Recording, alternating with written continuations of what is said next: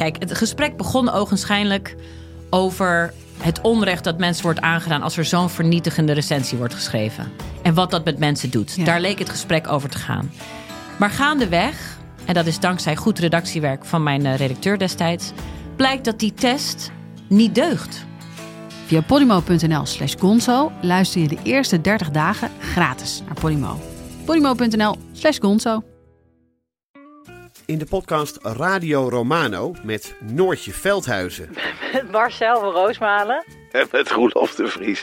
brengen we alle drie elke week een zogenaamde signalering mee. Wat heb jij nou weer bij? En aan het eind bepalen we wie de winnaar van de week is. Echt een angstcultuur Lege huls die je er bent? Ja, dat gaat eigenlijk altijd onvriendelijk.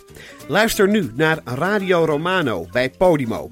Via podimo.nl slash Radio Romano luister je 30 dagen gratis. De minister van Buitenlandse Zaken. Nee, Oh nee, nu niet.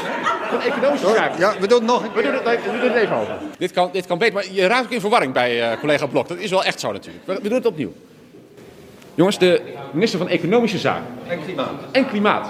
Nou, kom nou maar. Volgende week goed. Dit is Betrouwbare Bronnen met Jaap Jansen.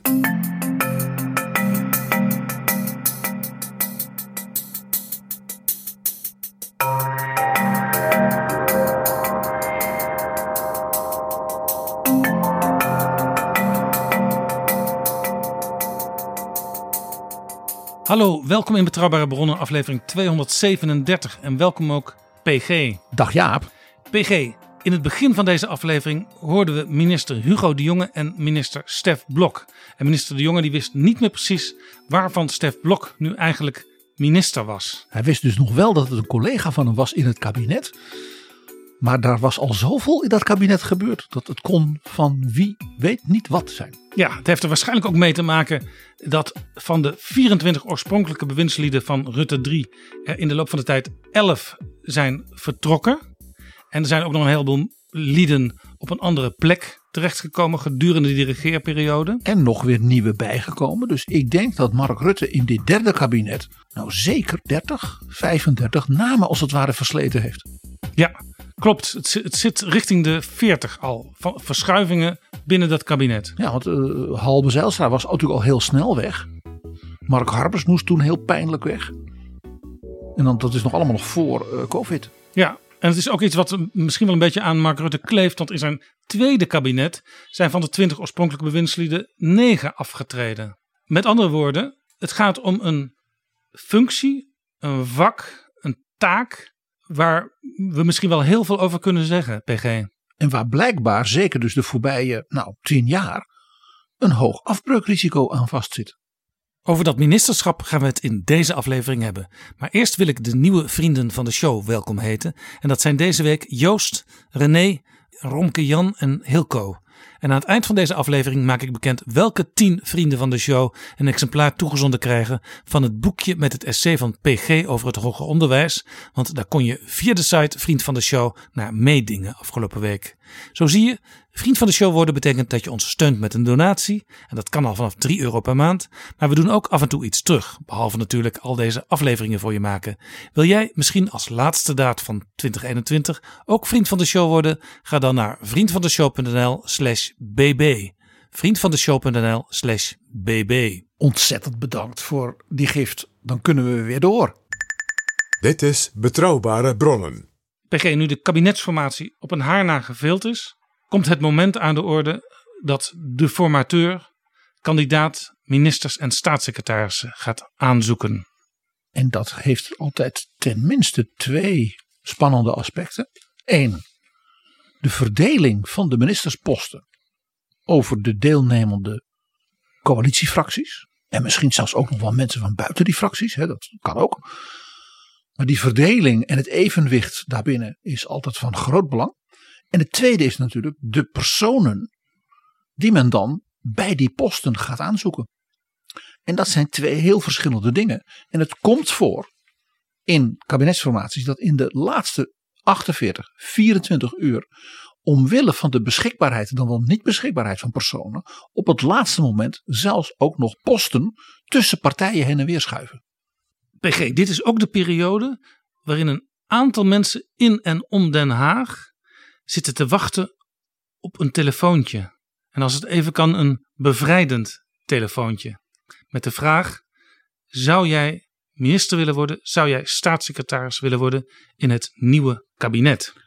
Sommige van die mensen die zijn al vaak eerder gepolst.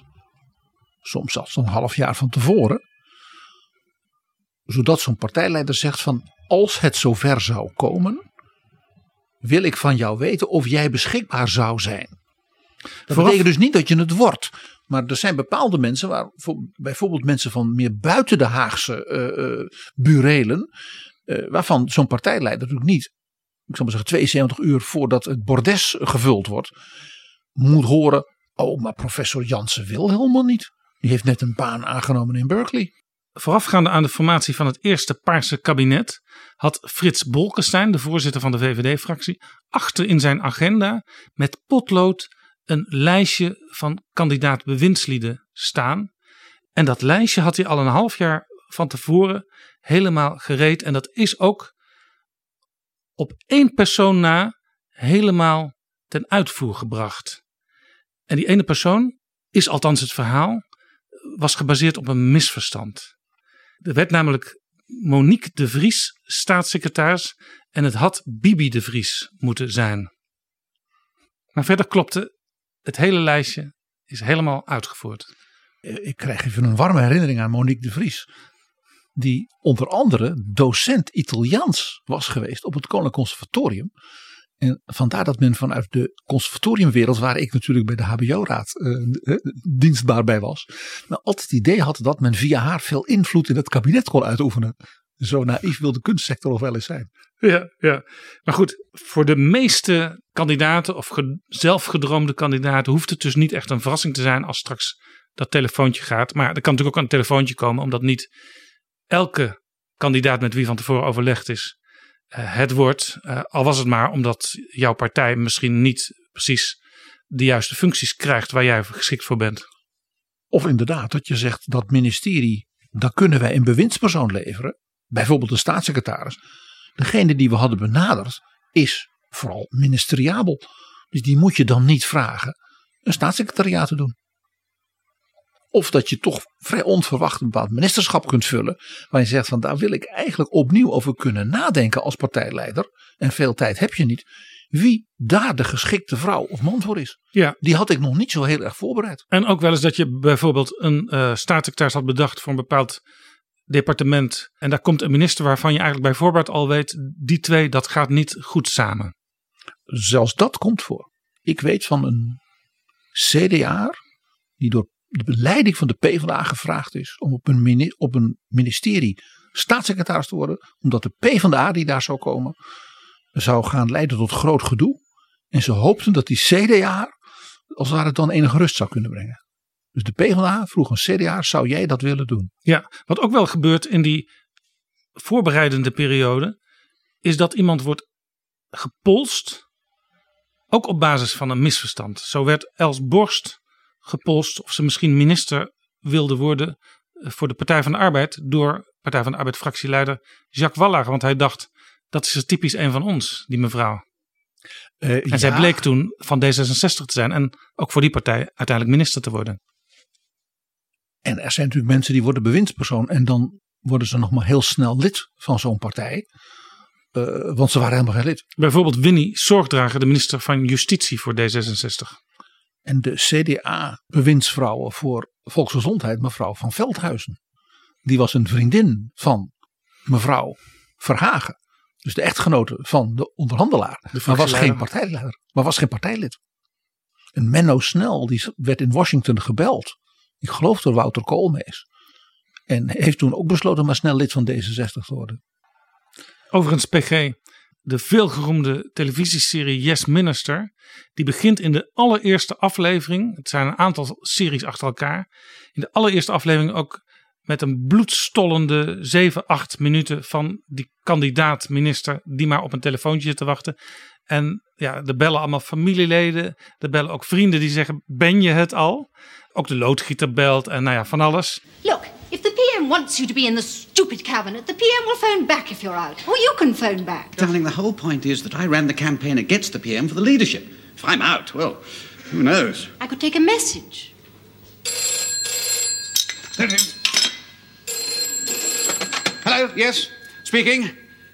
Oh, it's you, Michael. no, I haven't had a call. Have you had a call? Bill's had a call. What's he got? Europe? Bill's got Europe. Lucky Europe. Know Bill could speak French. You can hardly speak English. yeah, I'll call you back if I hear anything. Right. Bye. En hij wordt helemaal gek. En op het einde, zijn vrouw heeft de telefoon. Hij is inmiddels iets in de keuken aan het doen. En dan neemt zij hem op. Hè? Zijn vrouw neemt de telefoon op. You answer the bloody thing. Hello. Uh, Mrs. Hacker speaking. Oh, congratulations, Prime Minister. It's Annie here. Yes, Prime Minister. Yes, of course. Yes, I. Right I'll be on the next train. Uh, Jaap, dit soort verhalen, daar kennen we er meer van. Elko Brinkman, die vertelde dat Ruud Lubbers hem belde om minister van CRM te worden in 1982. Uh, en ja, Lubbers was natuurlijk iemand die, ja, die, die had Die kent moment. geen klok. Nee. Die, die weet had, niet hoe laat het is. Nee, dus die belde en het was geloof ik tien over half twaalf. En hij zei, ik had mijn pyjama al aan. En ik stond met mijn pyjama. En mijn vrouw zei, wie was dat? Dat was Lubbers, ik word minister. En, uh, uh, en dan stop ik hoor Jaap, want er zijn echt heel veel mooie verhalen. Toch weer over de Nederlandse politiek. Wat is die toch mooi en veelkleurig en helemaal niet saai. Jozef Luns kreeg een collega bewindsman eind jaren 50, begin jaren 60 op het ministerie van Buitenlandse Zaken. En die was niet te vinden. En die moest echt binnen een uur bewilligen, zodat de formateur de koningin kon rapporteren. En toen heeft de echtgenoot van deze beoogde bewindspersoon gezegd: Ja, hij laat de hond uit. Waarop dus Luns zei: Waar? Nou, meestal op de boulevard van Scheveningen. En Luns heeft toen zijn chauffeur naar de boulevard van Scheveningen gereden. En heeft dus de man letterlijk laten oppikken. Om dus gereden te worden naar Luns en met Luns naar de formateur. Zodat de koningin toch nog op tijd uh, het definitieve lijstje kon krijgen. PG, laten we het in deze aflevering erover hebben. Als jouw naam nou genoemd wordt, hè, als jij denkt de kans is heel groot dat ik straks op dat bordes sta, dat ik straks naar dat ministerie gereden word. Ik denk het meteen aan Kees van Koten als professor Akkermans. Professor, dokter, ingenieur Akkermans. En professor, dokter, ingenieur Akkermans, PG, had ook nog een echtgenote. Meneer Akkermans, goedenavond. Meneer Hopma. U dacht vorige week nog dat u een kans maakte als minister van Financiën. Ja. Maar dat gaat Wim Kok worden, hè, als Ja. vicepremier. Waarschijnlijk wel, maar er zijn nog meer departementen. Zoals? Eh BVC, Maar daarvoor wordt Hedy Dancona genoemd, hè? landbouw. Professor Akkermans, Akkermans, landbouw. Ja, maar bent u niet kunnen. bang dat u uit de boot gaat vallen?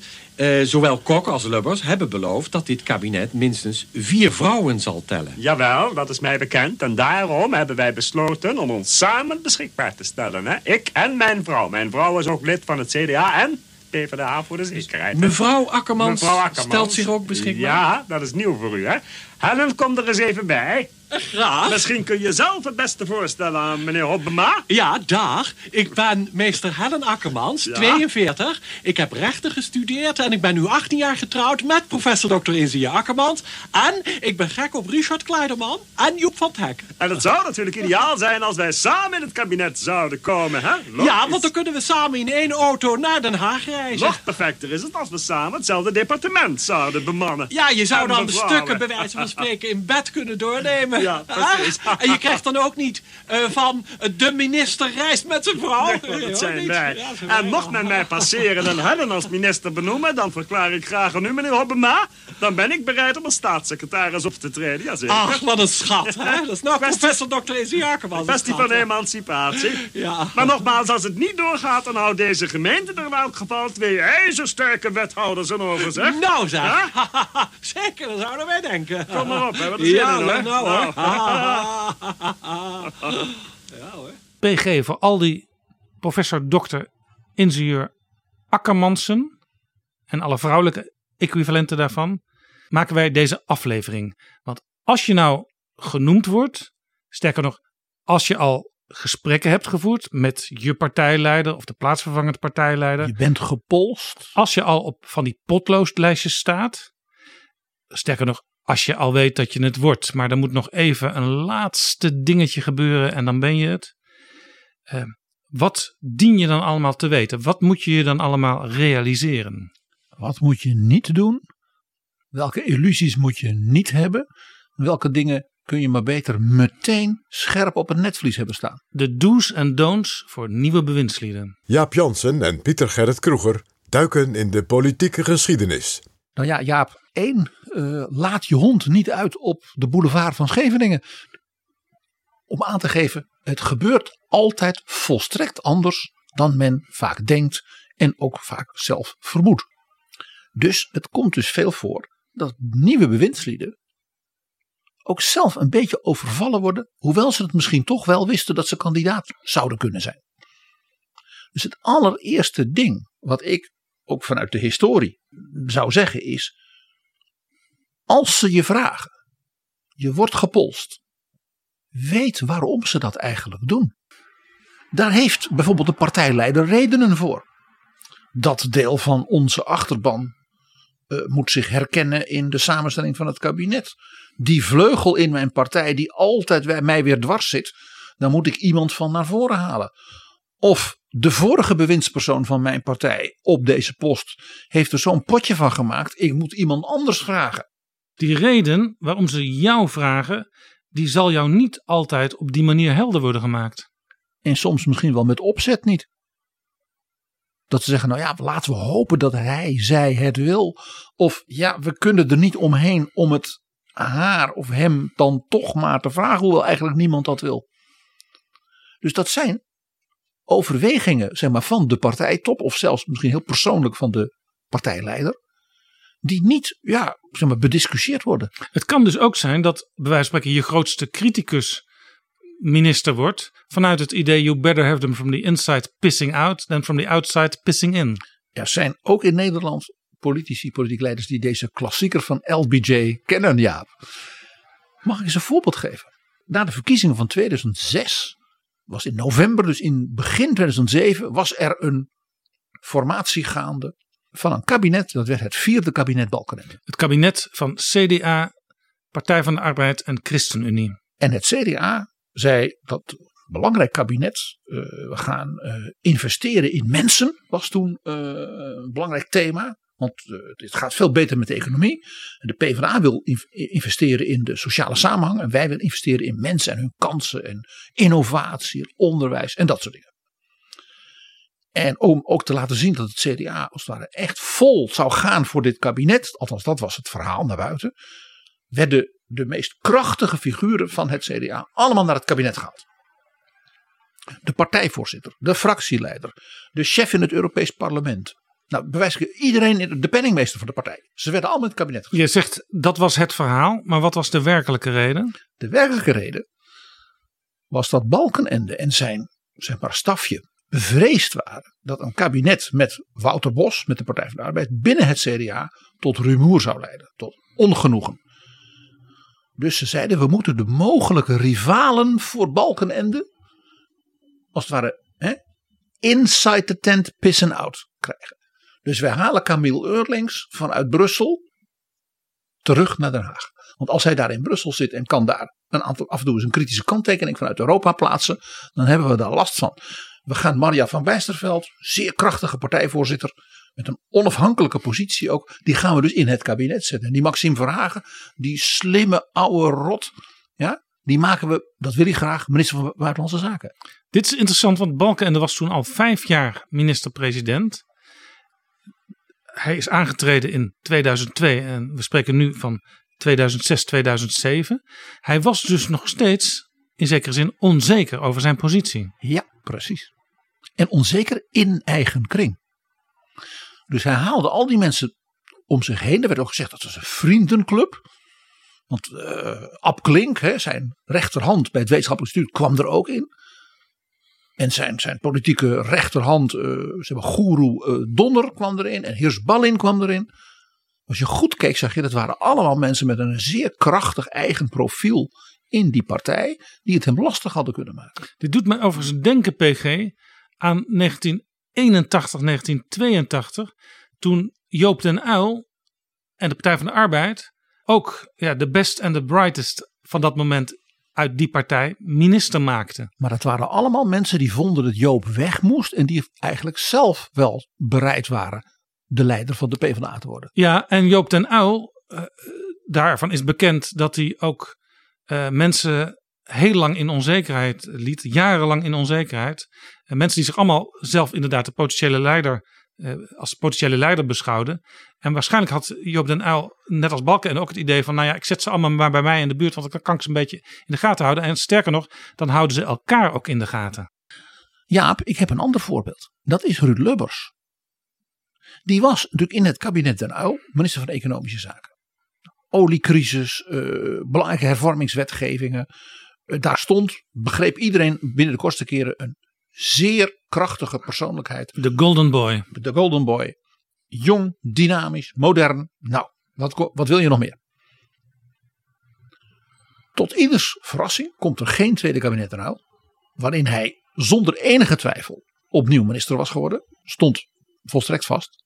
Maar een kabinet van acht. Wiegel, CDA, VVD. Waarbij het CDA dus veel meer bewindslieden zou mogen leveren dan bij Den Uyl 2. Ja. Dus men ging ervan uit dat het CDA als grootste partij natuurlijk financiën zou opeisen en ook krijgen van de VVD. En daar zou Ruud Lubbers op komen.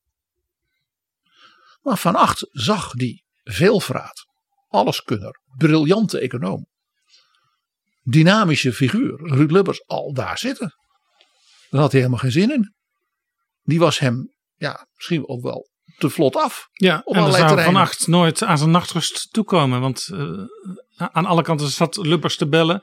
En als hij jou niet belde, dan moest je wel in de gaten houden met wie die dan aan het bellen was. En Van Acht had natuurlijk nog een zeker schuldgevoel naar iemand anders.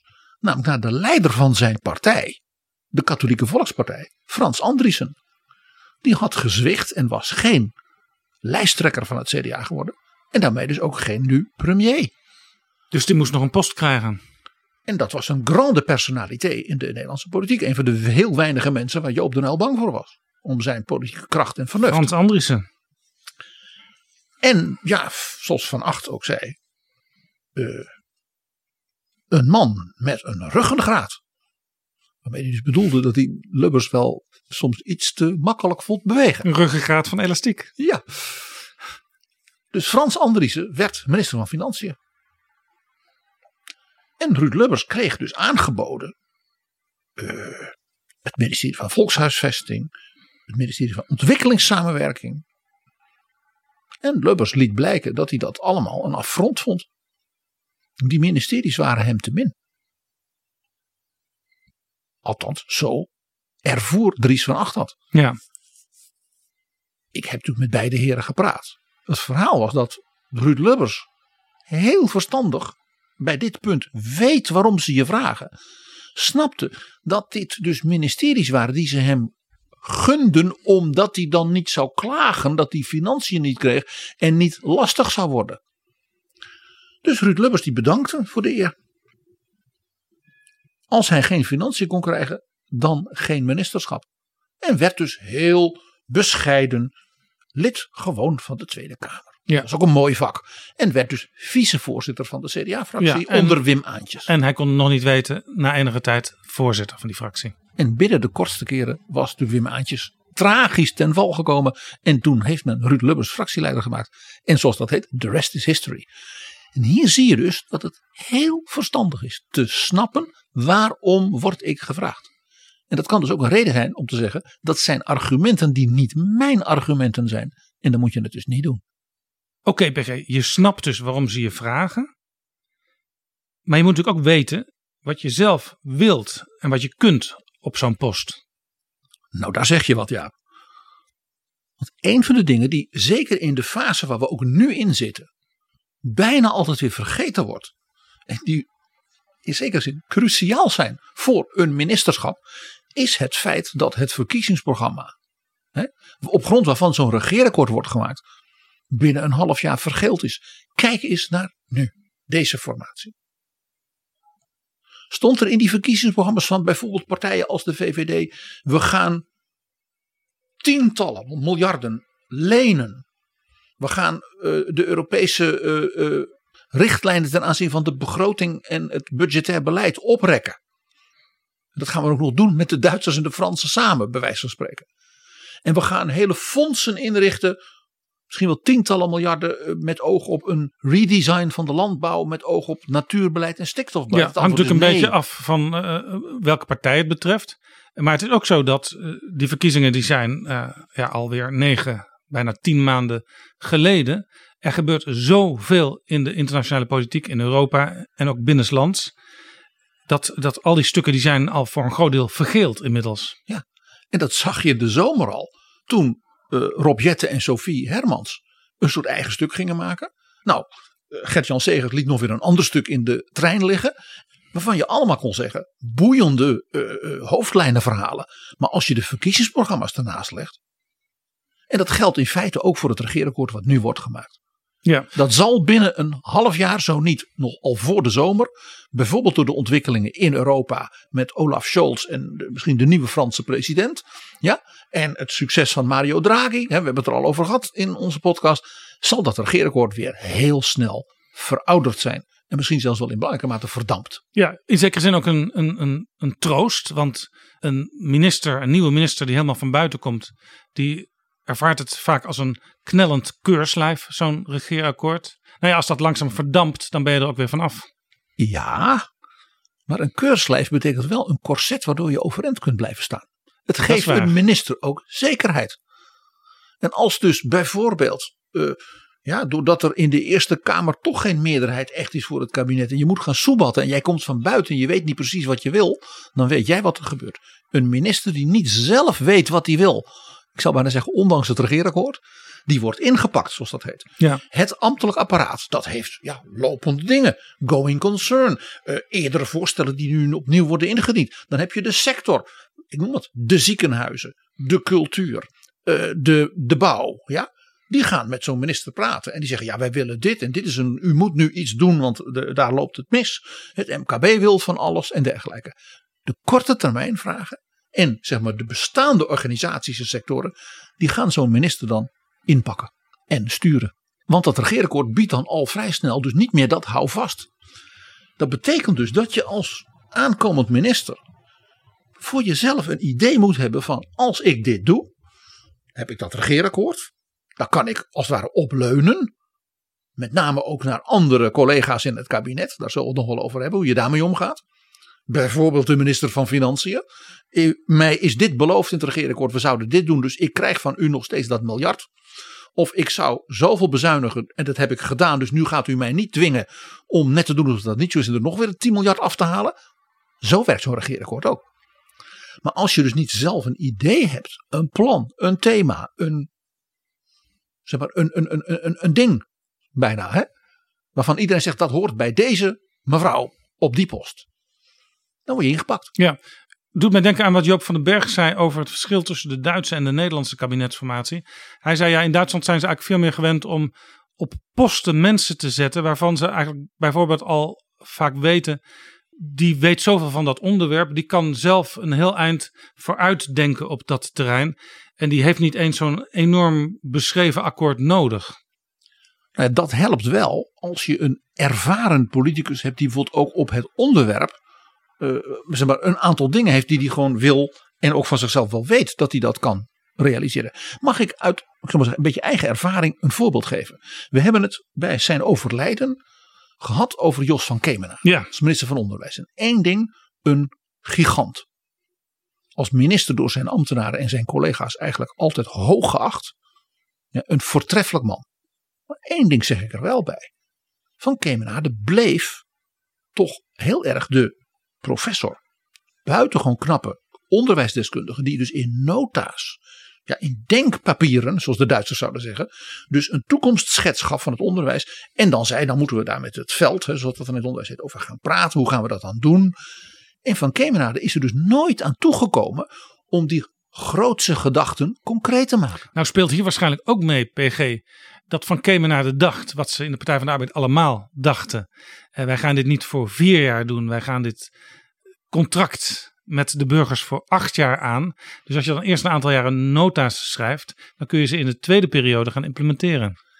Ja, dat is, maar dat is dus heel theoretisch. Dan kun je, zou je er beter voor zorgen dat je die tweede helft van die eerste periode, zeg maar de grote lijn qua wetgeving, desnoods in een soort kaderwetgeving, maar vast hebt neergelegd. Ja, je moet dus als nieuwe bewindspersoon ook denken aan de oogst. Niet alleen aan het zaaien, maar ook aan de oogst. En je zag dus dat met een uh, zeg maar, tussenperiode van vier jaar van Arie Pais op dat ministerie, dat toen Wim Deetman eerst samen met Van Kemenade en daarna na een half jaar alleen de hele jaren tachtig minister bleef, die kon dus oogsten, oogsten, oogsten.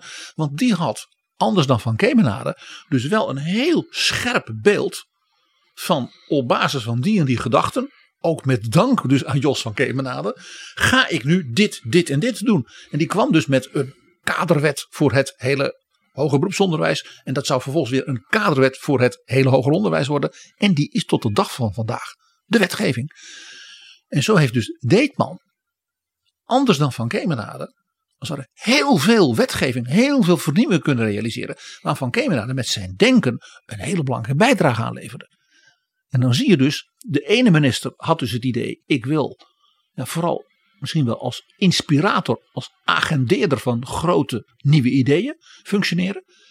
En de volgende minister die zegt van, ik maak daar gebruik van, maar ik ga het echt doen. Waardoor Deetman een soort kampioen wetgeving werd uh, op, op dat grote terrein. Nou, Roel in het veld, uh, we hadden het er met hem ook over hoe hij zag hoe Deetman dat deed. Dat hij zo prachtig zei van hoe hij dat in de Kamer dan deed. Ik kon er soms geen touw aan vastknopen. Maar het gebeurde wel. En hij zei dus, ja, die grote ideeën rondom hoger onderwijs, die werden wel één voor één allemaal waargemaakt. Nou, dat is dus een voorbeeld van, dat stond allemaal echt niet in dat regeerakkoord. Er was ook ooit een minister-president, Piet de Jong, en die zei op de vraag, wat gaat u doen? Ik ga op de winkel passen. Jaap, dat is een hele goeie. Want ook dat is een manier van een bewindspersoon, hier zelfs een premier, die dus voor zichzelf eigenlijk een heel scherp beeld heeft van wat wil ik, wat kan ik en wat vind ik ook dat ik moet doen. Maar PG op de winkel passen klinkt niet heel erg ambitieus. Nee, maar dit, je moet natuurlijk die glimlach van de kleine onderzeebootkapitein je daarbij voor de geest halen, terwijl hij dat zegt. Want als jij de kapitein bent geweest van een onderzeeboot in oorlogstijd, dan ben je iemand met een heel scherp richtingsgevoel. En je bent zeer daadkrachtig en dapper. Hij heeft later ook wel eens gezegd, Pieter Jong, ik bedoelde het eigenlijk meer in de betekenis van minding the shop. En in minding the shop zit ook het woord mind. Dus dat brein speelt wel een hele belangrijke rol in wat je dan wil doen en bereiken. Minding the shop betekent ook beheren. Zorgen dat de goede dingen goed gebeuren. Wat Pieter Jong hiermee natuurlijk bedoelde, was dat hij zei: Ik wil dat de zaak na heel veel grote hervormingen, en die waren er in die kabinetten daarvoor zeker geweest. Denk aan de complete herinrichting van de Nederlandse sociale zekerheid door minister Veldkamp, bijvoorbeeld. Eh, de mammoetwet in het onderwijs, enorme hervormingen. Dus wat zei Pieter Jong? Als we nou eens gewoon als kabinet deze vier jaar ervoor zorgen dat dat goed gebeurt. Ik denk dat er heel veel Nederlanders in het licht van de toeslagaffaire en dergelijke zo'n premier de Jong graag gehad hadden. Je zou dus eigenlijk kunnen zeggen dat het motto van dat kabinet was de uitvoerbaarheid van wat al besloten is. Ja. Ja. En het grappige was, zijn minister van Onderwijs was Chris van Veen. En die deed hetzelfde.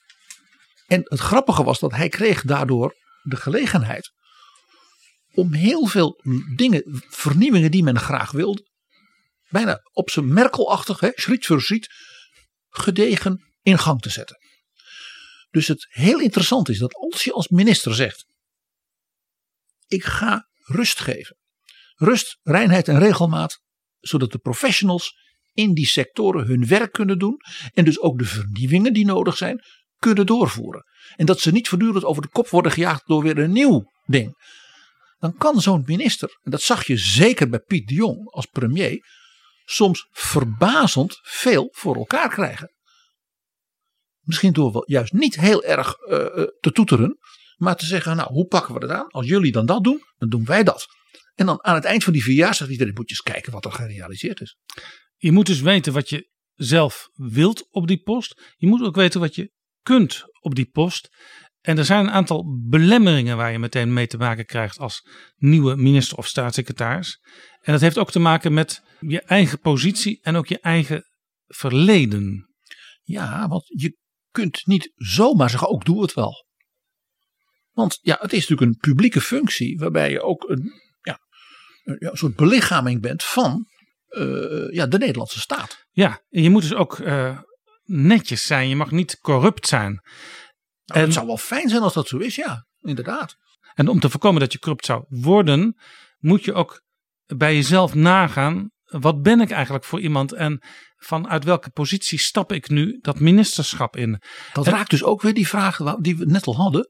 Waarom vragen zij mij? En om dat proces een beetje te helpen, is er een self-assessment integriteit geschreven voor kandidaat bewindslieden. Ja, dat is iets heel nieuws. Ja, het is uh, op 23 april van dit jaar aan de Tweede Kamer gemeld in een brief geschreven door minister Olongren. Die toen net verkenner af was uh, na dat verschrikkelijke Kamerdebat van begin april. En eh, volgens mij is niemand die Kamerbrief opgevallen, want dat is wel een heel interessante. Wie, wie heeft dit? Ja, ja, je, stotter bijna. Wie heeft dit bedacht? Nou, PG, het komt onder andere voort uit de aanbevelingen van de Greco. Het is een van de eerste concrete uitwerkingen van die aanbevelingen. En dan raken we dus de Venetië-commissie. Want Greco is een van die uh, zeg maar, uh, kritische analyseclubs van de Raad van Europa, zoals de Venetië-commissie, ten aanzien van, uh, ik zal maar zeggen, fatsoenlijk bestuur in democratieën. Ja, en het is ook een, een, een, een soort annex, een bijlage bij het blauwe boek voor bewindspersonen. Zeg maar het, het handboek soldaat voor een minister of een staatssecretaris. Dus dit is het eerste concrete voorbeeld van de nieuwe bestuurscultuur. Ja, want je gaat naar de formateur. En dat zal dan binnenkort Mark Rutte zijn, die jou uit laat nodigen om op bezoek te komen. En voordat je dus dat gesprek gaat hebben, kun je een self-assessment doen. En heel modern. Dat staat dus allemaal op papier. Welke vragen je jezelf dan moet gaan stellen in die voorbereiding. Zal ik er ze maar eventjes doornemen, PG? Onderstaande vragen dienen als hulpmiddel om eventuele risico's en kwetsbaarheden te vinden. Om de kernvraag van de formateur te beantwoorden. En de kernvraag is dus of er nog integriteitsrisico's en kwetsbaarheden zijn voor jou als kandidaat bewindspersoon. Vraag 1. Heeft een vertegenwoordiger van uw politieke partij met u gesproken over mogelijke integriteitsrisico's? En zo ja, zijn daar relevante uitkomsten? Die vertegenwoordiger is natuurlijk dus de partijleider die die persoon heeft gepolst en vervolgens heeft genoemd aan de formateur. Vraag 2. Heeft u openbare uitlatingen gedaan in media, inclusief sociale media, die in relatie tot het voor u beoogde ambt of de regering een risico zouden kunnen vormen? Ja, dit is natuurlijk toch ja, uh, iets heel nieuws. Sociale media als risicofactor.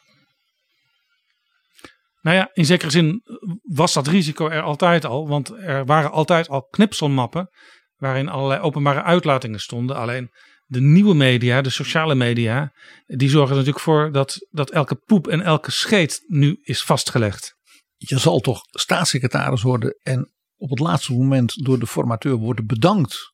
Vanwege Twitter. Omdat je een like hebt gegeven aan een niet zo heel geslaagde grap van de makers van Betrouwbare Rollen.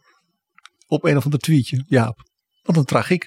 Nou, ik heb twee hele mooie voorbeelden van hoe dat inderdaad serieus kan, ja, impact kan hebben. En het eerste is natuurlijk in de vorige formatie geweest.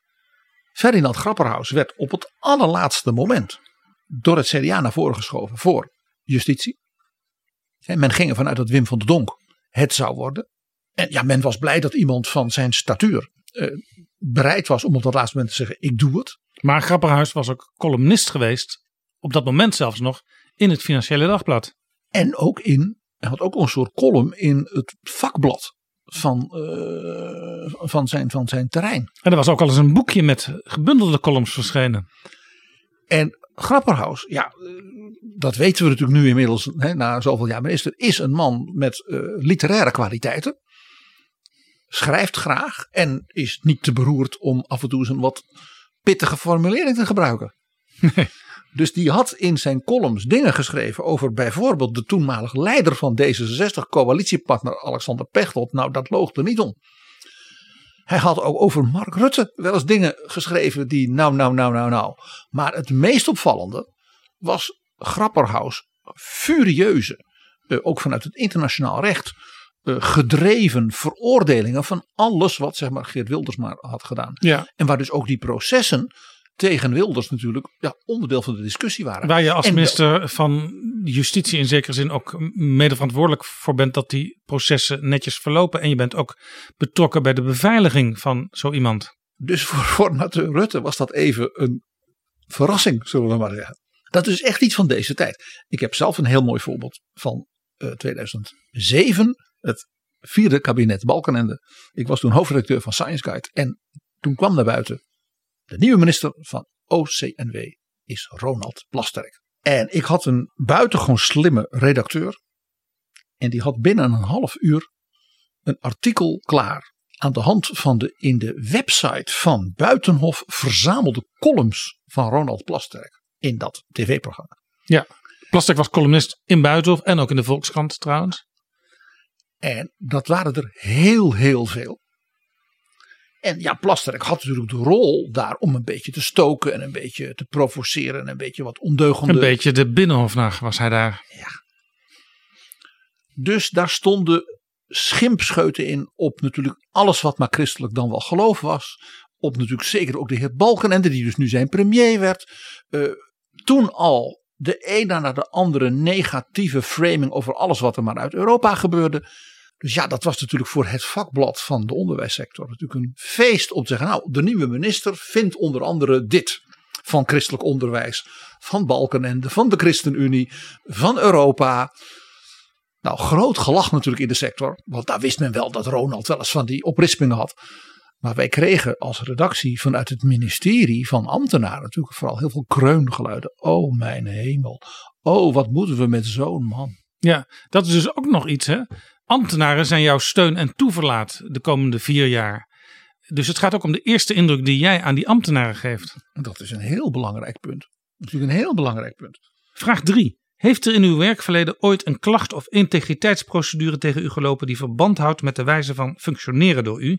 Zo ja, wat is daarvan de uitkomst geweest? Is die uitkomst nog relevant voor de u beoogde ambt? En zo ja, op welke manier? Ja, je zult maar bijvoorbeeld een collegevoorzitter van een universiteit zijn geweest. En er is daar een integriteitskwestie geweest met een hoogleraar. Die jij bijvoorbeeld een beetje hebt beschermd. Of een MeToo-affaire. Ja, ik noem maar, gewoon even, ik denk even vanuit de universitaire wereld. Maar dat kan ook vanuit het bedrijfsleven zijn. Ja. Jij kunt een voortreffelijke CEO zijn geweest. Maar ja, er is een witwasting geweest eh, via de, de CFO van jouw bedrijf. Voor de zekerheid dan ook nog vraag 4. Bent u op een andere wijze aangesproken op niet integer gedrag? Zo ja, welk? Nou, dat is wel heel breed. Ja. Dan moet je bij wijze van spreken ook elk, elk klein lezersbriefje uit een krant nog even opduikelen. Vraag 5. Is uw cv volledig en geheel correct? Dat is een goeie hè. Wanneer Dat is een cv volledig? Ja, en dat betekent dus dat bij die brief, met dat self-assessment, een volledig en correct cv gevoegd moet zijn voor de formateur. Nou ja, Jaap, jij en ik kunnen eh, ons nog wel herinneren waarom Greco tegen mevrouw Ollongren heeft gezegd: Ik zou dit maar eens een beetje preciezer als Nederland gaan vastleggen. Ik zeg Filomena Bijlhout. Ja, Filomena Bijlhout werd staatssecretaris namens de lijst Pim Fortuyn. En al binnen enkele uren, de, de, de champagneglazen die werden op dat moment nog geheven, kwam RTL met het nieuws dat Filomena Bijlhout actief was geweest in een eh, groep ja, burgermilitairen die Bouterse ondersteunden. Ja, een soort, knokploeg. Militie. Beetje- ja, een soort knokploeg. Een beetje Cubaanse. eh, we, hakken er, we hakken even onze tegenstanders En sterker in nog, de pan. om half acht toonde RTL dat ook in het nieuws met foto's waar zij in uniform op stond. En toen was het over. Toen was zij geen staatssecretaris meer. En dat is dus wat bedoeld wordt met een, dat een cv dus compleet moet zijn en correct. Ja, correct ook in die zin dat je ook niet een diploma erop moet zetten wat je in werkelijkheid helemaal niet hebt. Want ook dat is voorgekomen. Staatssecretaris Charles Swietert, televisiemaker, eh, presentator van het politieke nieuws in het 8 uur journaal, werd staatssecretaris van Defensie. Hij kwam heel trots in zijn dienstauto voorrijden bij Nieuwsport, zijn, zijn stamcafé. Maar de VVD, zijn partij, had niet goed gecheckt dat zijn cv dus een beetje opgeleukt was. Wat was ook alweer dat opgeleukte onderdeel? Ik geloof dat hij beweerde dat hij doctorandus was, terwijl hij dat niet was. Het komische is overigens dat hij en zijn vrouw Dieudonné ten Berge, langdurig Elsevier-journalist geweest, later een soort adviesbureau zijn begonnen in integriteitskwesties. Zoals je noemt hands-on ervaring. Vraag 6. Komt uw cv overeen met eventueel overige door u verstrekte in openbaarheid zijnde cv's of daartoe behorende informatie? Dat is ook een hele fijne. Want stel, je hebt ja, meerdere fasen in je leven en daar als het ware meerdere dus gefaseerde cv's voor. Ja, ik heb ook wel uh, in verschillende fases verschillende cv's ingeleverd en dacht ik van ja, in deze hoek klinkt dit misschien nog wat, wat beter uh, om het zo op te schrijven. Nou, bij die andere sollicitatie, daar hoef ik bepaalde dingen, die kan ik maar beter niet vermelden. Ja, dat ik in mijn studententijd actief was in het actiecomité voor een of andere uh, dit of dat, waarbij ook nog wel eens uh, zeg maar, een paar klappen zijn gevallen bij een demonstratie. Ja, dat je dat in je cv misschien wel doet bij het solliciteren naar fractiemedewerker van een vooruitstrevende activistische partij. Maar 30 jaar later als minister misschien niet noemt. Dus het zijn wel hele ja. linker vragen, want je, je, je, je, hebt sommige dingen heb je soms ook gewoon een beetje verdreven uit je geheugen. Zou de VVD geweten hebben dat Rita Verdonk, toen zij gevraagd werd als minister, en ze was iets hoogst in het gevangeniswezen, en dat was een vrouw die aanpakte, dat zij in haar studententijd in de krakersbeweging actief was vanuit de PSP. In Nijmegen. Dat stond vast niet in haar cv. Nou, Greco die denkt, je kunt misschien maar beter ook op dit punt wat alert zijn. Dan nog eentje, uh, vraag 7. Heeft u in uw netwerk personen die voor u met de wetenschap van dit moment een integriteitsrisico zouden kunnen vormen, gegeven het ambt?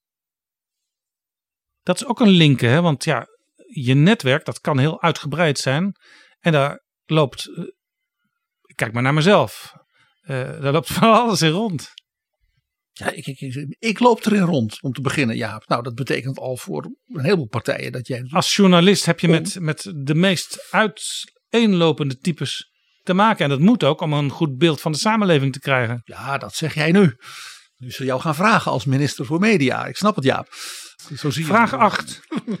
Voldoet u aan het gestelde over nevenfuncties en financiële en zakelijke belangen in de brief van 20 december 2002 in zaken beoordeling kandidaatministers en staatssecretarissen? Er is dus een brief die dus nu al bijna 20 jaar oud is, waaraan je moet voldoen. Dus ja. Dat gaat over het opzij zetten van je uh, vermogenspositie. Uh, uh, bijvoorbeeld als jij eigenaar van een bedrijf bent. Daar staat overigens bij bij die vraag. Raadzaam is alle oplossingen, nog uit te voeren oplossingen en eventuele uitzonderingen transparant te maken. Ja. Met andere woorden, zodat niemand je er later nog op kan aanvallen, want je hebt het allemaal transparant gemaakt. Dit raakt dus dat punt wat een tijdje geleden Wopke Hoekstra aan de broek had Precies. Gehad. Dat ging om niks. Dat ging om een, om een constructie van een soort vriendenclubje, een, een kleine belegging via de Maagdeneilanden. Ja, en dat was iets uh, in de sfeer van uh, ecologische. De, ja, en het was ook iets wat verder. Safaris in, in Kenia. Maatschappelijk uh, niet echt rampzalig was, maar ja, het was wel op een moment dat het naar buiten kwam. En, dat hij als minister verantwoordelijk was voor het afbouwen van al dat soort omwegen, fiscale omwegen. Maar hij had dus gedaan wat er in deze vraag stond. U moet voor die tijd dat soort dingen allemaal even heel scherp langsgelopen hebben en waar dat nodig is ook beëindigen. Ja, want het was ook een constructie vinden dat je Precies. bijvoorbeeld apart plaatst. Het was ook een oude constructie en die was nu ineens aan het licht gekomen. 9. Heeft u voorts nog andere financiële en of zakelijke belangen? Geef een gespecificeerde omschrijving. Ja, dit is interessant, uh, PG, want uh, je mag eigenlijk niks als nieuwe minister. Uh, je mag bijvoorbeeld geen aandelen hebben in beursgenoteerde bedrijven. Wat wel mag is meedoen in een beleggingsfonds, omdat dat heel breed is samengesteld en omdat zo'n fonds ook transparant te volgen is. Maar een heel simpel dingetje, PG. Als ik jou een appartement verhuur voor, laten we zeggen, 1500 euro per maand, dan mag ik dat niet meer doen. Want ook dat is al iets wat tot niet integer gedrag zou kunnen leiden. Ja. Dat belang. En dan 10, de laatste. Heeft u een relevante niet-strafrechtelijke juridische procedure in het verleden gehad? En of een aankomende of lopende juridische procedure in welke vorm dan ook. Dit in verband met een mogelijk risico of de schijn van beïnvloeding op het functioneren in het ambt. Hier speelt natuurlijk gewoon, uh, bent u een keer uh, gesnapt met een borrel te veel op? Of loopt er of gaat er misschien nog aankomen een juridische procedure die iets met uw bedrijf te maken heeft? En, en een juridische procedure, als je een, een bedrijf hebt dat enigszins zijn tentakels in de samenleving heeft, dan komt dat nogal vaak voor. Of internationaal met uh, financiële perikelen. Nou, denk even wat we net uh, noemden, de Maagdeneilanden. Ik kan me dus voorstellen, PG, als je dit allemaal leest, al deze vragen voor dat self-assessment integriteit, dat je misschien nog wel eens een nachtje erover wil slapen. Wil ik dat eigenlijk nog wel, dat ministerschap? Ik zat eigenlijk aan iets anders nog te denken. Ja, nu ga ik veel beter begrijpen waarom Remkes zei dat constituerend beraad dat moet maar misschien twee, drie weken duren. Want dan kun je al die privézaken, die privébesonjes ook nog regelen. Maar nog een keer, hè? dit raakt dus het punt wat we hier aan de orde hadden. Weet wat je zelf wilt en kunt op het punt, het thema, het ministerschap en dus de rol die jij gaat vervullen. Dat raakt dit dus ten volle.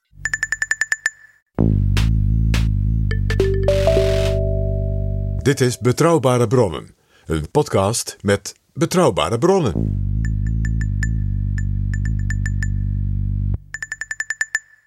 PG, als je minister of staatssecretaris wordt, dan kom je natuurlijk op een departement terecht, een ministerie. Ja, je komt die ochtend binnen in die toren in Den Haag. En men heet je van harte welkom. Maar je moet één ding natuurlijk goed snappen.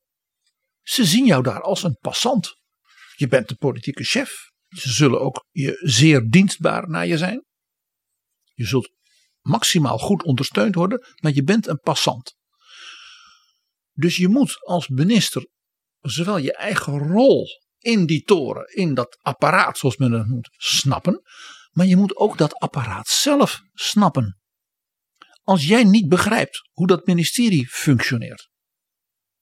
Bijvoorbeeld niet weet hoe dat ministerie en de mensen die daar werken en de ambtelijke top in de rest van Den Haag en misschien ook zelfs in Brussel wordt gepercipieerd. Als een sterk ministerie, een ministerie dat onder zware druk staat, een ministerie waar een zeg maar volstrekt mislukte reorganisatie onlangs is gepleegd. Als je dat soort dingen niet weet en je dus je apparaat niet snapt, dan word je door dat apparaat heel snel geleefd gemanipuleerd en misschien wordt het je ondergang. Het is dus heel groot en omvangrijk. En er was dus een nieuwe staatssecretaris, zij heette Annette Nijs. Ze kwam op onderwijs.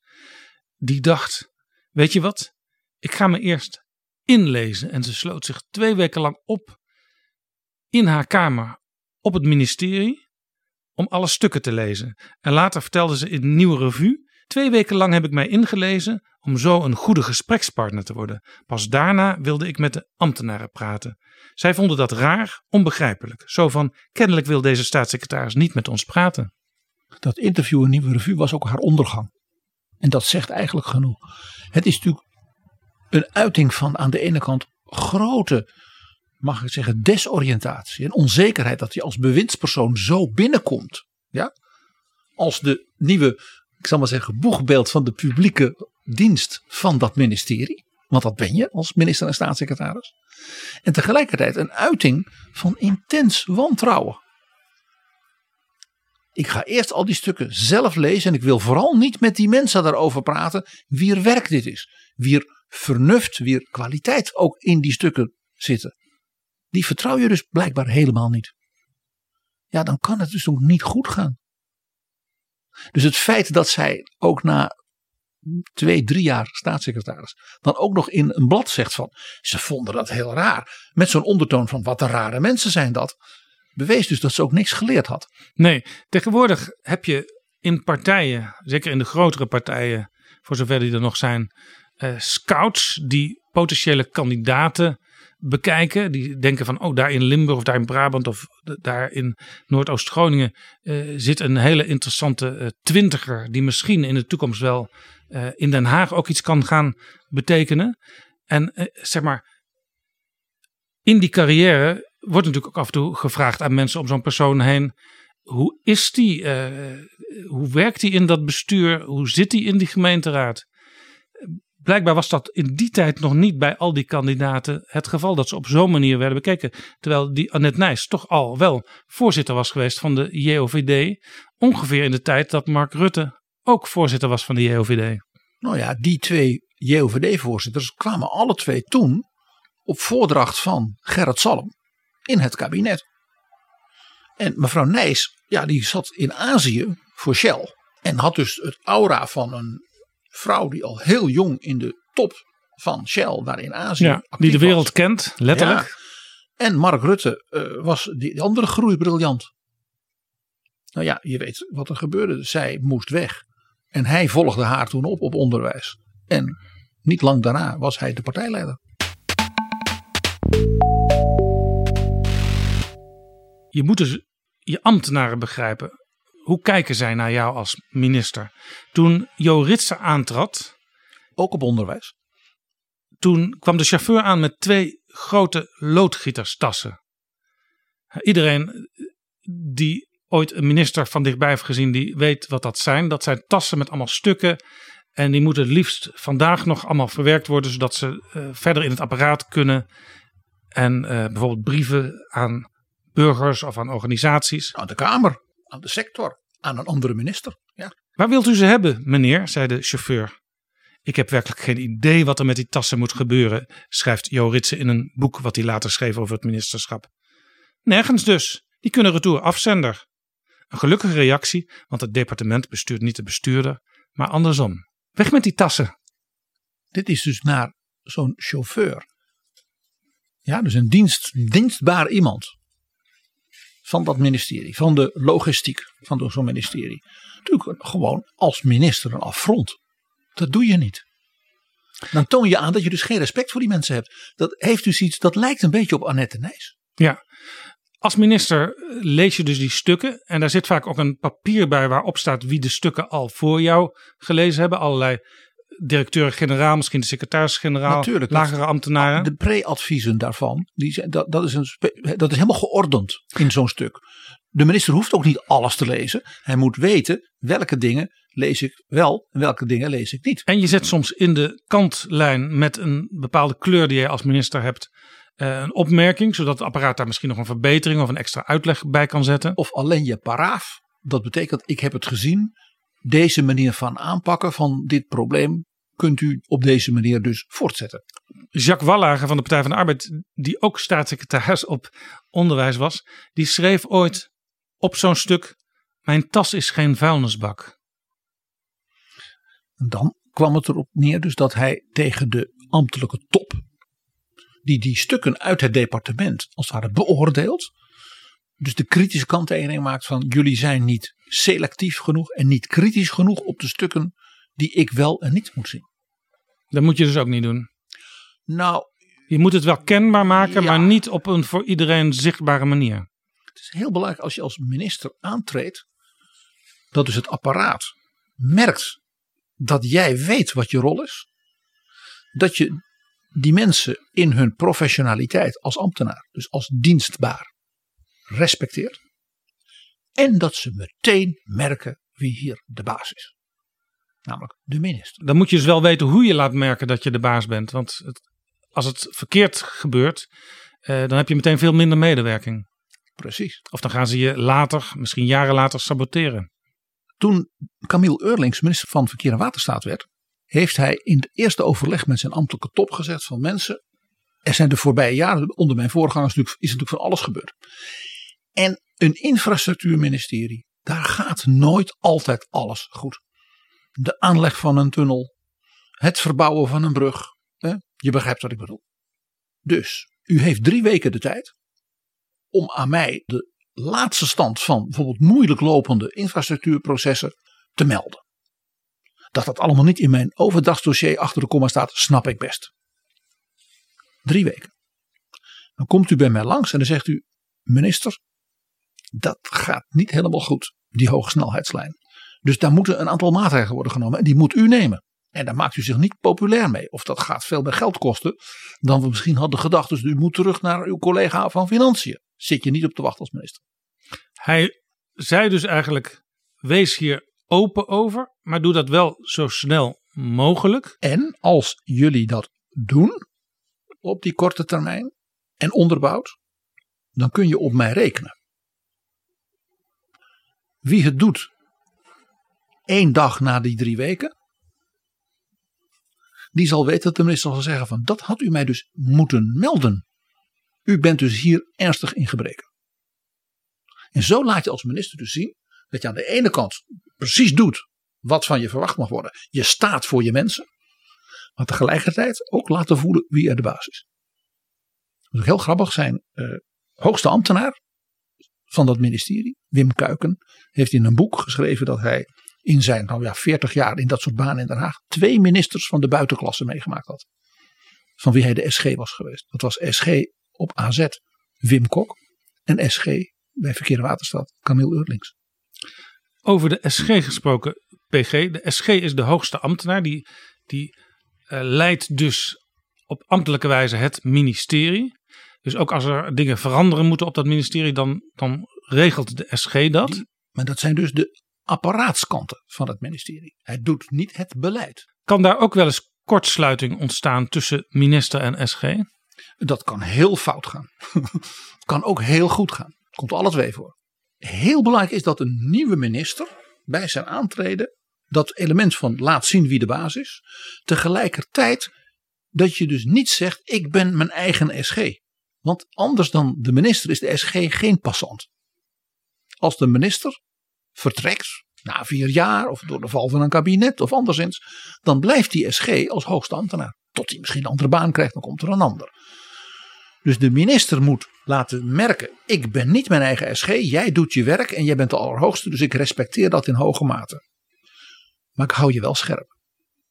En jij mij. Het kan dus ook best zijn dat een minister veel moeite heeft met de SG die er is, of dat de minister doorkrijgt op een bepaald moment. Uh, dit functioneert niet zoals ik het zou willen. Er gebeuren allerlei dingen die ik te laat pas weet of die ik helemaal niet weet. Ik kan, daar kan ik eh, heel veel over vertellen, ja. Dat heb ik nou zelf is er onlangs meegemaakt. een boek verschenen over Els Borst, geschreven door Nele Bijens, biografie. En daar lees je in dat Els Borst, die in haar partij ja, alle lof kreeg en, en, en nog steeds krijgt, ja toch leider, als politiek leider van zo'n ministerie, eh, het niet altijd goed deed. En zij werd ook niet goed ondersteund op dat ministerie. Dus op een gegeven moment eh, kwam het idee, ja, we moeten toch een andere leiding, andere ambtelijke leiding hier aan de top van dit departement zetten. Want dat helpt misschien ook uh, mij als minister in mijn functioneren in de politiek. Want ik merk dat ik nog niet altijd in de vingers heb hoe de politiek nou precies werkt. En als mijn ambtenaren mij daar niet in ondersteunen, ja, dan gaat dat niet goed. Ja, mevrouw Borst was natuurlijk een typische, zoals ze dat noemen, inhoudsdeskundige. Dus die wist heel veel van dat terrein. Een van de dingen uh, waar Borst moeite mee had, dat was hoe ga je om met de Tweede Kamer. Nou ja, zij had de boekjes gelezen en daar staat in dat je uh, dualisme praktiseert. Dat wil zeggen, de minister heeft ideeën, de minister heeft plannen, die stuurt ze naar de Kamer en dan wordt daar een open debat over gevoerd. Roger van Bokstel, die was Kamerlid voor D66, de partij van de minister. En die merkte dat collega's van andere partijen, de Partij van de Arbeid, de VVD, soms beter wisten wat er op het ministerie aan de hand was en wat er voor stukken aan zaten te komen naar de Kamer, dan hij zelf. Want die PvdA'ers en VVD'ers, die hadden hun contacten op die ministeries. En hij was van D66. Hij had een heel belangrijk contact, namelijk de minister. Maar die vertelde hem dus blijkbaar een heleboel dingen niet. Dus die snapte dus niet haar eigen rol. Ja. Nou, op een gegeven moment werd dus de conclusie getrokken. Ik heb een nieuwe secretaris-generaal nodig. Een partijgenoot. bij voorkeur een partijgenoot, want die mensen kun je vertrouwen. Nou, Ad Melkert, die was minister van Sociale Zaken, Partij van de, PvdA, Arbeid. Ja. Die wist wel iemand, hè? Ja, want Ad Melkert had een SG, mevrouw Helen de Maat Kolen. Van D66. En die samenwerking die verliep stroef. Dus zei Ad Melkert tegen Els Borst, als jij nou eens die mevrouw de Maat Kolen neemt, dan lossen we misschien twee problemen tegelijkertijd op. Ik weet niet eens of hij dat laatste ook nog gezegd heeft. Maar je hoort het hem denken. Maar iemand die erbij betrokken was, die zei later: Els had zich door Melkert een SG laten aansmeren en dat liep toen helemaal mis. Sterker nog, er is op een gegeven moment een extern onderzoek geweest naar de top van dat ministerie. En dat was een rampenplan, hè? En dat leidde tot het aftreden van die mevrouw Helen de Maatkolen. En toen kwam Roel Becker. Ja, toen werd Roel Becker secretaris-generaal. En die bleef bijna tien jaar. Die wij onlangs te gast hadden in Betrouwbare Bronnen. En toen ging het ook ineens, ook voor Els Borst, veel beter. Zie je hoe belangrijk dat is? Snap je rol. Je kunt nog zo deskundig zijn. Dat wil niet zeggen dat je een goed minister bent. PG, als je aan gaat treden, dan is er nog een moment kort voor dat aantreden. En dat heet het constituerend beraad. En een minister die daar niet alert is, die dan denkt: ik zit daar voor kennismaking met de collega's, dus voor de gezelligheid. En we gaan met de koning straks en we komen op het bordes. Die minister moet eigenlijk maar meteen weg. En dat constituerend beraad, dat is echt het moment dat je nog geen minister bent officieel. Ik was dus op algemene zaken op de dag voordat dat constituerend beraad zou plaatsvinden. En ik zag dat ze een, een zaal beneden op algemene zaken, waar ook af en toe wel eens de persconferentie van de minister-president plaatsvindt, dat ze die waren gereed aan het maken voor dat constituerend beraad. Want die ministers die mochten niet in de treffenzaal gaan zitten, want ze waren officieel nog geen minister. Ze waren zich aan het constitueren. Dus ze moesten ook echt in een, ja, in een, een zaaltje bijeenkomen. Zal ik heel kort een paar voorbeelden geven van ministers, staatssecretarissen, die in het constituerend beraad van heel verschillende kabinetten, van heel verschillende partijen, hebben toegeslagen, dan wel hebben misgegrepen. De eerste, en dat is een classic, Onno Ruding in 1982. Minister van Financiën. Regeerakkoord met bloed, zweet en tranen van bezuinigingen. En Onno Ruding was een bankier. Die had een diep ingebakken wantrouwen tegen politici. Die rommelen met geld, zei hij altijd. En nu zat hij dus in een ministerraad met alleen maar politici. Met dan als aanvoerder Ruud Lubbers, die natuurlijk zo handig was. Dat je als minister van Financiën heel erg moest oppassen. Ja, en ik las in de memoires van Ruding dat hij ook uh, zijn twijfels had over het regeerakkoord. Natuurlijk, dat was allemaal niet strak genoeg. Zo was Onno en zo is Onno. Dus wat deed hij? Die had een papiertje bij zich. En die zei wat een voortreffelijk regeerakkoord hebben we. Dat zei hij dus. En daar staat in dat we van een financieringstekort van 12%, Nederland was Griekenland, zouden wij nu zeggen, in een aantal stappen gaan naar 7%. 7% van 12 naar 7 was, dat heette dus, denk aan alle demonstraties tegen het kabinet, hardvochtig en asociaal. Met 7% zou je nu niet eens in de EU mogen. Dus Ruding zei: Ik heb een besomming gemaakt. Met welke tussenstappen in die jaren tussen nu en aan het eind van deze kabinetsperiode we dit gaan doen. Want dan kan ik dat goed inrichten. En ik wil graag dat u, collega's, dat accordeert. Dus die heeft die ministers op dat moment gedwongen al die tussenstappen, dus elk jaar zoveel procent omlaag, te accorderen. Want hij dacht, natuurlijk gaan ze zeggen dat gaan we doen. Het eerste jaar moet een aantal verzachtingen vanwege de vakbonden. Dus dan gaat het van 12 naar 11. Dan valt het een beetje tegen met de werkloosheid. Dan gaat het dus van 11 naar 11,3. Dan gaat het misschien wel van 11,3 naar 10,8. Maar die 7 gaan we nooit halen.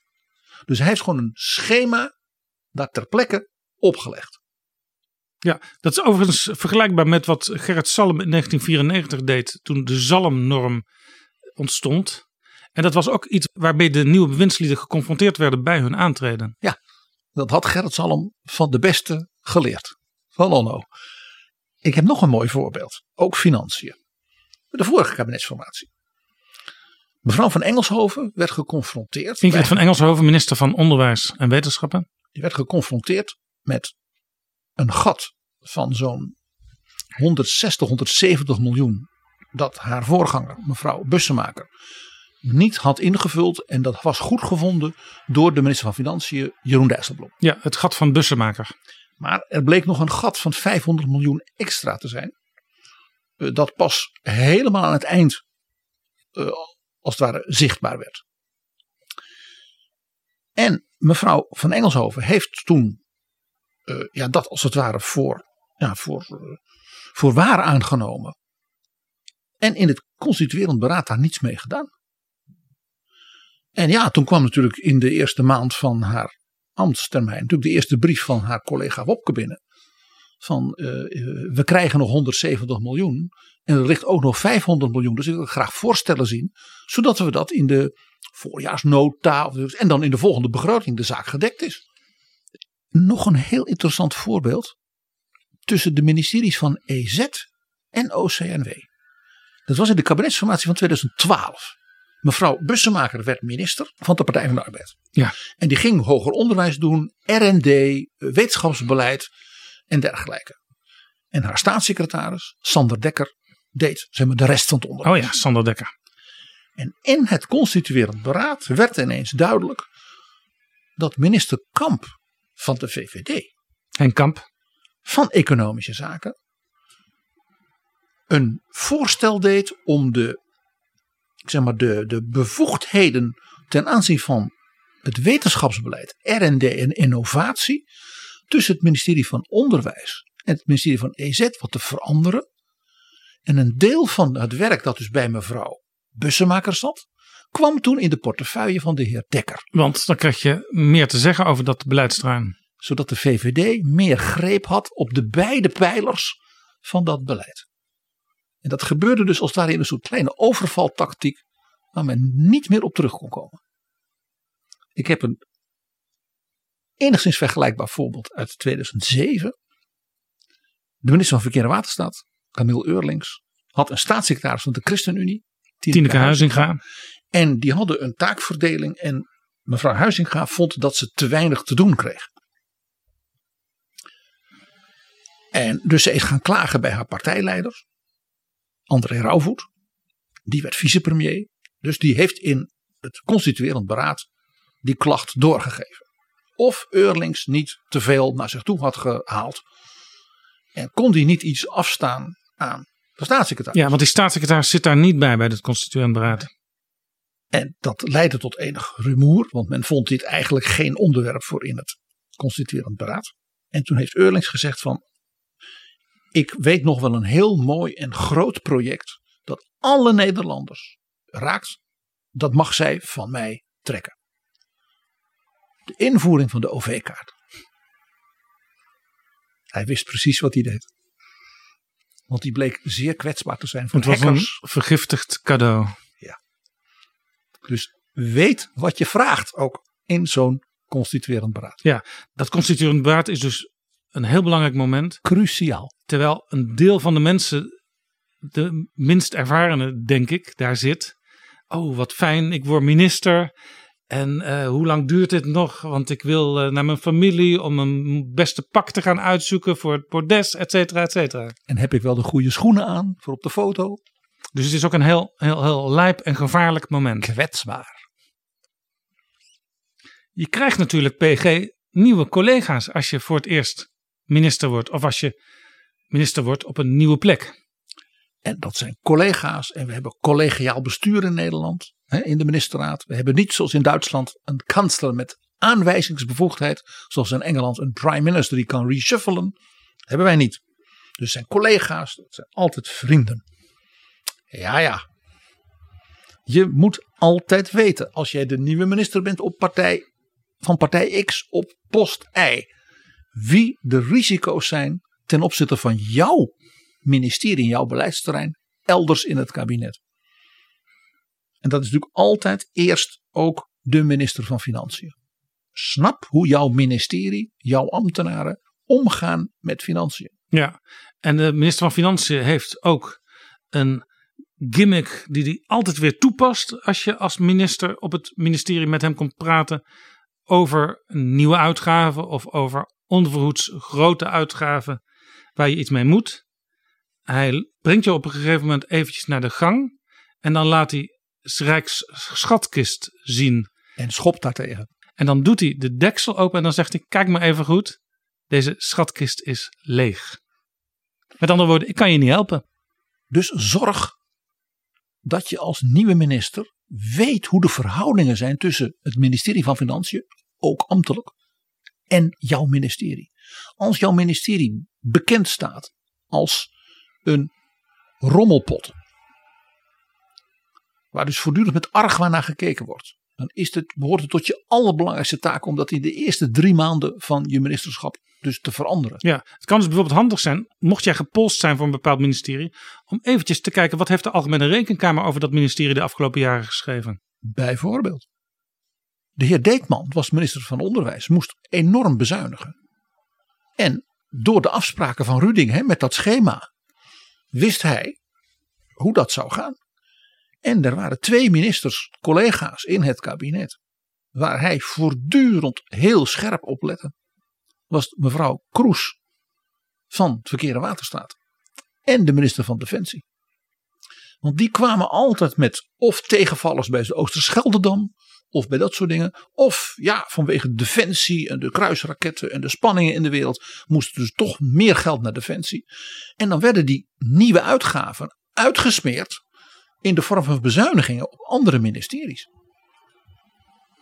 Dus als de ambtenaren van Verkeer en Waterstaat weer stukken via de minister naar de ministerraad stuurden. waarbij gewaarschuwd werd voor mogelijke overschrijdingen op de Oosterscheldedam. dan was dus de minister van Onderwijs de eerste die het woord vroeg. Grappig genoeg. Want die zag de bui al hangen, zoals hij dat dan noemde. Nou, als je dat soort dingen, dat moet je dus snappen bij je collega's. Je zit natuurlijk in het kabinet, in de ministerraad, met een aantal partijgenoten. Hè? Zelfs ChristenUnie die kreeg dat op een gegeven moment door. Eén minister is te weinig. Je moet tenminste met z'n tweeën zijn. En tegelijkertijd zeg ik meteen, cynicus als ik ben, vaak zijn je partijgenoten je grootste probleem. Ja, er is op donderdagavond een bewindsliedenoverleg. Dus daar zit je met je uh, partijgenoten bij elkaar. De fractievoorzitter zit erbij, de vicefractievoorzitter, de partijvoorzitter, de uh, Eerste Kamerfractievoorzitter, de Europarlementsdelegatieleider zit er ook vaak bij. Dus dan denk je, ik stem het even helemaal af, zodat ik me morgen ook in de ministerraad door mijn partijgenoten gedekt weet. Ja, de vergaderingen van het BPO, zoals dat zo mooi heet. Bewindspersonenoverleg. Van de partijen eh, behoren tot de uh, spannendste en best bewaarde geheimen van Den Haag. Want daar gebeurt het. Het is een vrij korte bijeenkomst. Meestal vindt hij ergens tussen 6 en 8 uur plaats op donderdagavond. Dus je kunt tegelijkertijd ook een, een, een broodje of iets Indisch eten. Zeker.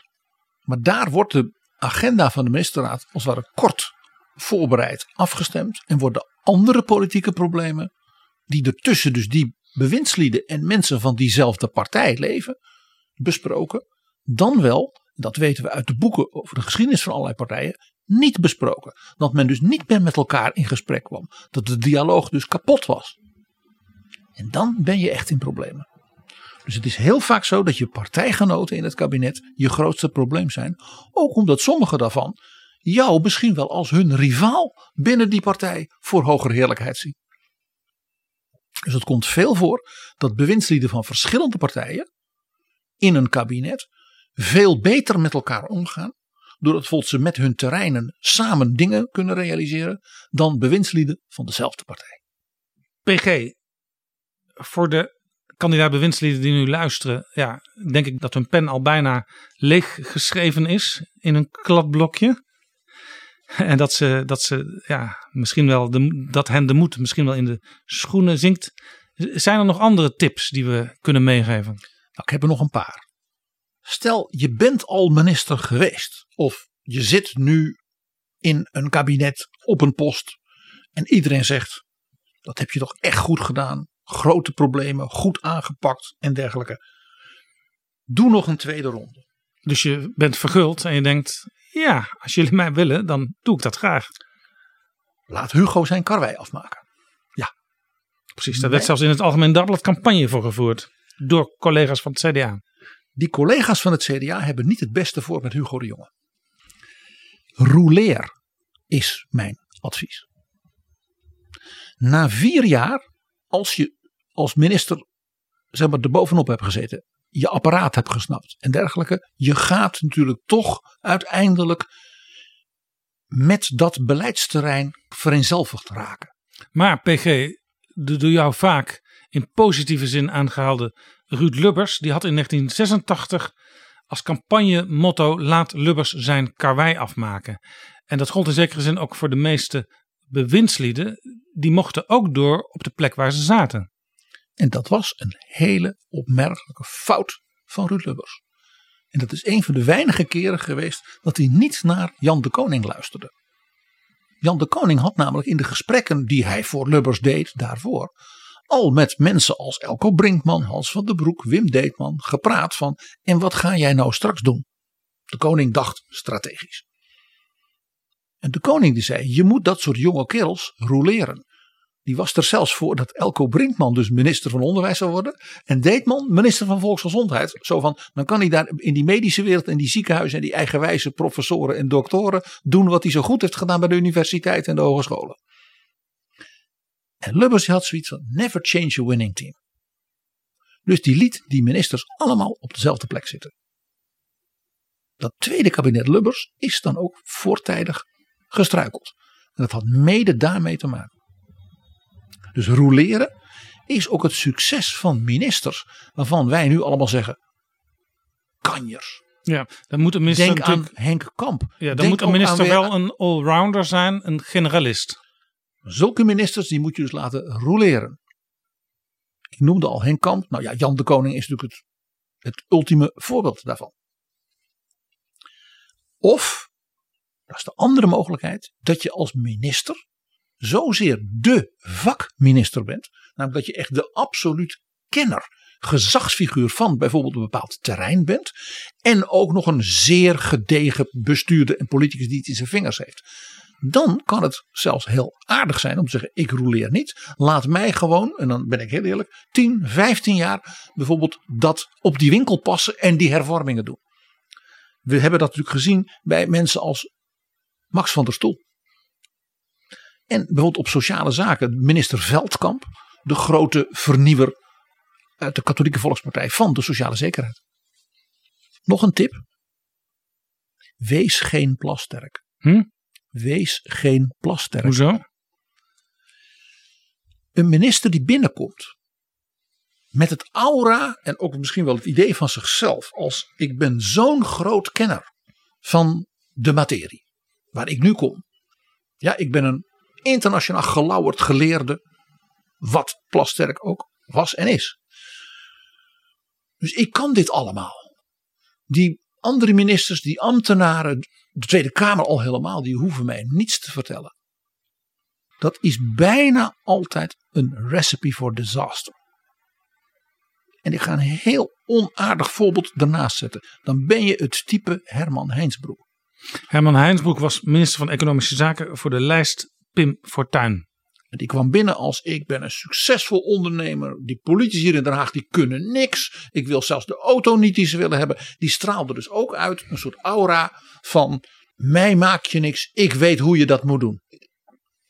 Zo'n minister gaat om te beginnen in zijn directe omgeving. Bijvoorbeeld zijn ambtelijke omgeving. Meteen de mist in. Ja, eh, toen hem werd uitgelegd eh, door de ambtelijke top hoe het ministerie in elkaar zat, eh, zei op een gegeven moment, eh, ik dacht de, de SG, welke snoepwaren het ministerie allemaal in zijn lade had. En toen zei Heinsbroek, ik hou helemaal niet van snoep. en bij de eerste vergadering met een Kamercommissie, Economische Zaken, zei hij op een gegeven moment, toen hij het na drie kwartier of zo wel welletjes vond, meeting dismissed. Alsof je dus als CEO je medewerkers toespreekt. Uh, jij citeerde al even, Jaap, uit het boek van Jo Ritsen. Ja, een heel leuk boek. Jo Ritsen, de minister, een handboek. En mijn negende punt Een tip is: schrijf niet zo'n Ritsenboek. Uh, waarom niet, PG? Want ik, ik kom er zelf in voor. Daar, dat gaat over een gesprek wat hij had met een groepje uh, journalisten. En dat gesprek ging ook over de relatie. Dat was een openbaar gesprek aan de Universiteit van Amsterdam. Over de relatie tussen uh, minister en de journalistiek. En daarover schrijft Jo. Het was een genot om te zien hoe zorgvuldig de journalisten waren. De koningin van de democratie op haar best. Je begrijpt, PG, ik vind het een prachtig boek. Ja, dat begrijp ik. Uh, jo had dat boek al klaar toen hij één periode als minister achter de rug had. Maar tot ieders verbijstering kreeg hij een tweede periode. Toen heeft hij dat boek dus, dat concept, terzijde gelegd. En het als daar een soort update gegeven met ervaringen uit zijn tweede periode. En het toen alsnog gepubliceerd. Ja, want Jo Ritsen zei toen, toen hij onverwacht dus uh, nog een keer minister werd. Ik zag de onderwijsbegroting als een drenkeling en ik ben haar nagesprongen. Prachtig.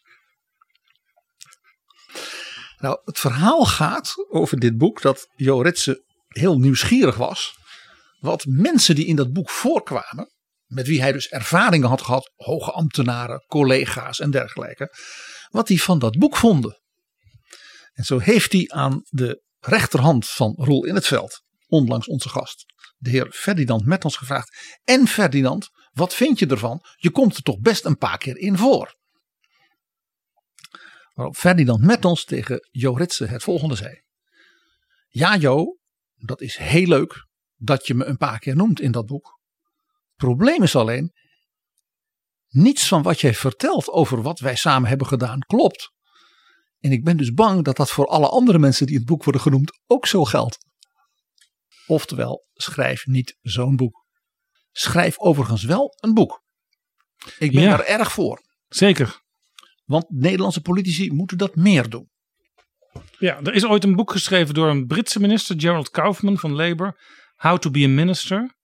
En dat wordt in het algemeen wel als een soort standaard gezien van eh, het boek waarin staat, eh, ja, ja, waar je het zeker voor de Britse situatie uit kunt leren.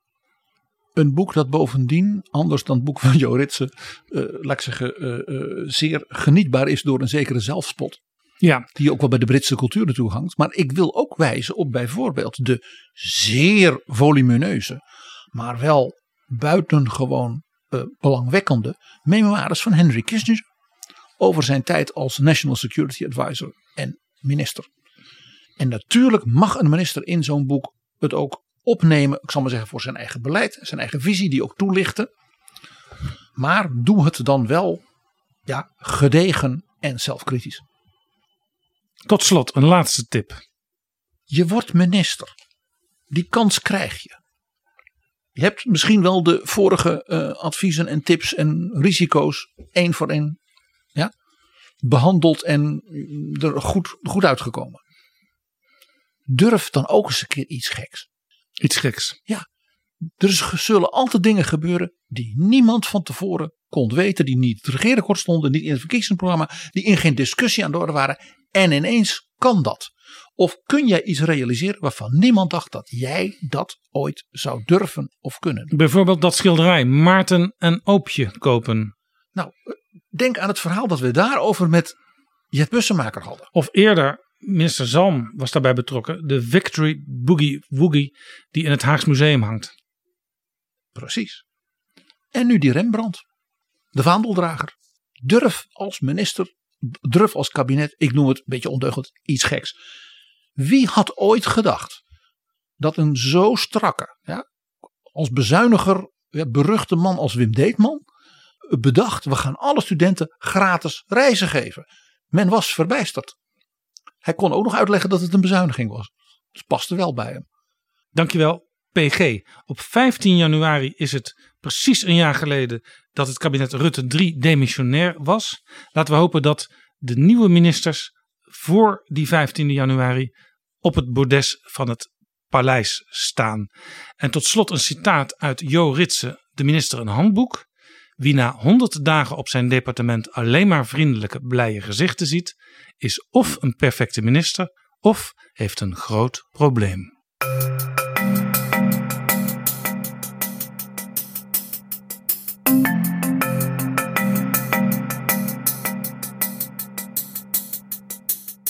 Zo, dit was Betrouwbare Bronnen aflevering 237. Deze aflevering is mede mogelijk gemaakt door de vrienden van de show. En onder die donateurs zijn 10 exemplaren uitgeloofd van het in boekvorm verschenen essay van PG over het hoger onderwijs. Het boek gaat naar René Donders uit Nijmegen, Pepijn Kemper uit Leiden, Chris Vermeer uit Amsterdam, Jimmy Bastings uit Vorst in België, Emily Randou uit Amsterdam, Pieter Moerman uit Voorburg, Wilma Groot uit Amsterdam, Vincent Plompe uit Veghel, Roel Esselink uit Amersfoort en Jaap Veldhuizen uit Zwolle. Hartelijk gefeliciteerd. Tot slot over de selectie van ministers voor je kabinet. Voormalig onderzeebootkapitein Pieter Jong, die in 1967 minister-president werd. Pieter Jong overleed in 2016 op 101-jarige leeftijd en werd op zijn 97ste geïnterviewd door Hella van der Wijst van de KRO. De hamvraag was uiteindelijk, na lange gesprekken, zou ik deze man in tijd van oorlog aan boord willen hebben. En als ik dan tegen mezelf zei nee, nee, nou, dan wou ik hem niet in het kabinet hebben. Want vooral in oorlogstijd leer je elkaar kennen? Ja. Wat, Hoe leer je elkaar kennen in oorlogstijd? Omdat je op elkaar kunt vertrouwen en dat je eerlijk bent. Als, er iets, als je iets fout doet, dat kan niet je moet het onmiddellijk zeggen. Want de levens van de anderen hangen er ook vanaf. En eh, als je... Ja, ik ben wel eens onder water gaan, toen zag ik het voorluik nog openstaan. Maar ik gaf wel drie klakson omdat er een vliegtuig aankwam. Maar dan vertrouw je volledig op de man die daarmee belast is. En die komt dan ook en doet gauw dat voorluik. Want dan is het al het einde verhaal. Ja. Want als er een vliegtuig was, moest je snel onderduiken. Ja, want die, die gooiden met allerlei lelijke rommel. Die waren niet aardig voor ons. Tot volgende keer. Betrouwbare bronnen wordt gemaakt door Jaap Jansen in samenwerking met dag en nacht.nl.